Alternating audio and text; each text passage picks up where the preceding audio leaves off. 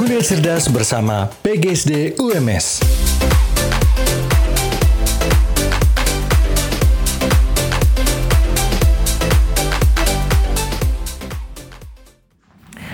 Assalamualaikum warahmatullahi wabarakatuh. Berjumpa dalam podcast Kuliah Cerdas bersama PGSD UMS. Perkenalkan, saya Akbar Asari akan menemani di podcast kali ini dan podcast kali ini membahas satu tema yaitu tentang perkembangan moral anak. Khususnya ini adalah perkembangan moral dari nilai kejujuran. Yang pastinya bukan Akbar yang akan membahas tentang perkembangan moral anak eh, khususnya kejujuran akan ada narasumber yang bergabung dengan kita. Siapakah dia? Tunggu saja karena nanti setelah lagu ini bakal kita bahas tentang perkembangan moral anak khususnya kejujuran.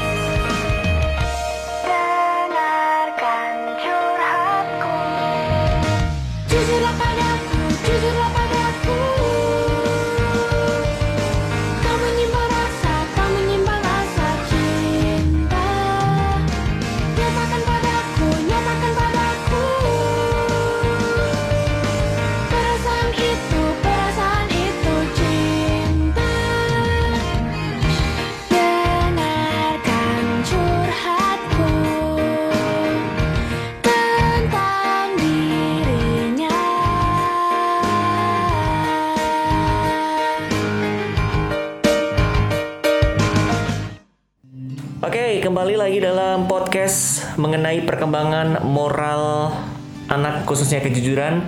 Tentu saja dalam podcast Kuliah Cerdas bersama PGSD UMS. Dan yang sudah Akbar janjikan tadi, Akbar tidak sendiri dalam membahas ini karena ada narasumber yang hadir bersama Akbar. Dan beliau adalah salah satu dosen PGSD Untas Muhammadiyah Surakarta. Masih muda eh, dan akrab disapa Mas Taufik. Assalamualaikum Mas Taufik. Waalaikumsalam. Hai hai hai. Apa kabar hari ini? Baik sekali. Luar Baik, biasa. ya, amazing. luar biasa, Semuanya lah yang baik-baik. Yang baik-baik, semoga baik-baik selalu dan Amin amin ya rabbal sehat alamin. selalu, rezekinya lancar. Amin. Jangan, jangan lupa sering-sering ngejob saya. Siap siap Iya. siap. Eh, tentang kali ini perkembangan moral khususnya eh, moral anak khususnya kejujuran nih Mas Topik. Oke. Karena eh, mungkin dulu ki- masing-masing dari kita mungkin juga dilatih ya tentang, Ah, benar, tentang kejujuran ini. Ya, pastilah. Karena memang kalau berbicara kejujuran kan harus pembiasaan ya, pembiasaan dari Hmm. dini dan sebagainya. Nah kalau perkembangan moral khususnya kejujuran ini gimana nih dari Ya oke, Nah, kita di sini kan bahas spesifik ya tentang kejujuran. Kejujuran ya mungkin salah satu isu moral yang paling seksi ya itu. Jadi memang benar nih orang tua atau guru itu biasanya salah satu yang paling utama ditanamkan itu tentang kejujuran itu. Nah, sebenarnya ada beberapa strategi nih untuk menanamkan kejujuran pada anak-anak itu ya. Awal kita dari berangkat dari satu teori dulu ya. Bahas teori nih Ada teori. berat. Dada ringan. Ada aja. dasarnya. Ah iya benar. Jadi teori moral Kohlberg ya. Nah, kalau anak SD atau anak-anak usia 6 sampai 12 itu kurang lebih ada di prakonvensional. Gitu. Jadi anak itu menganggap hal yang baik atau buruk dalam hal ini jujur itu baik atau buruk itu ya karena dia dapat hadiah atau dapat hukuman dan juga yang tahap keduanya itu adalah ya untungnya apa bagi bagiku ya kan tuh kalau Aku dapat untung apa sih ketika apa sih aku gitu. Ah, ah, benar Aku jujur gitu kan. Hmm, bener begitu. Jadi karena reward punishment dan juga yang kedua dapat apa, gitu kan? Dapat keuntungan apa gitu. Nah, jadi berangkat dari itu ada beberapa hal nih yang bisa dilakukan ya, baik dari orang tua maupun guru atau pihak lain. Yang pertama itu modeling, ya modeling. Jadi anak itu harus dapat dulu role model ya, role model Ada oke role modelnya. Benar, terutama ya orang tua lah ya atau Iya. guru. Kalau pengen anaknya jujur, ya orang tua sama guru harus jujur dulu. Oke. Jangan sampai anak itu menganggap atau berpersepsi kalau alah orang tua juga suka bohong nih, Hmm. ya gitu. Jadi harus ada role model dulu. Kemudian yang kedua itu peraturan. ya, Hmm, ada aturan- Iya benar. Jadi harus ada peraturan yang jelas ya dan juga ada hukuman juga ada hadiah juga. Hmm. itu jadi kalau jujur dapat apa nih? Kalau tidak jujur dapat hukuman apa? Oke. itu penting banget. Jadi jelas reward and punishmentnya. Ah, benar-benar jadi peraturannya juga jelas ya. Hmm, tuh. Terus peraturan itu kalau emang diterapin sama anak ya juga harus diterapin sama orang tua sama guru sama kakak sama semuanya. Hmm, jadi jangan hanya peraturan itu mengikat anak doang Hmm. gitu Jadi anaknya sudah diminta seperti ini, tapi orang tuanya enggak. Ah iya, aja. itu kan aneh ya sebagai anak itu kok peraturan khusus gitu kan itu. Iya. Terus selanjutnya itu ceramah juga ya bisa. Hmm. Dan ceramah ini ya bisa tentang manfaat. Manfaat kalau jujur nih bakal dapat apa? Mungkin nggak sekarang gitu ya, tapi di masa depan juga gitu kan. Misal nanti kalau uh, kamu jujur nih, nanti kalau Hmm. apa akan disayang sama orang, terus nanti di tempat kerja juga disayang sama bos kayak gitu.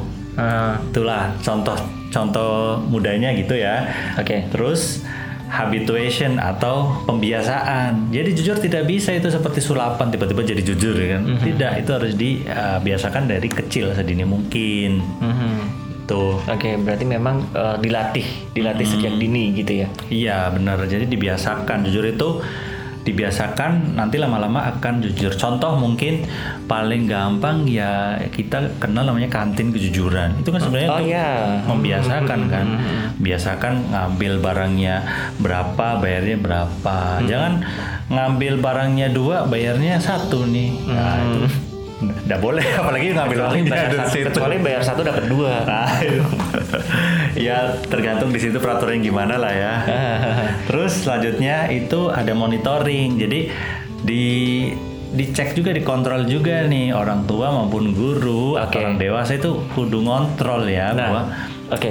Untuk ngontrol secara detailnya seperti apa, eh, kita jed- jeda dulu deh. Oke. Jeda dulu untuk dengerin lagu ini karena kayak obrolannya makin asik. Iya. Tapi lebih asik lagi kalau kita dengerin satu lagu berikut ini. Jadi jangan ke mana-mana, pastikan di podcast Kuliah Cerdas bersama PGSD UMS akan kembali lagi setelah satu lagu berikut ini.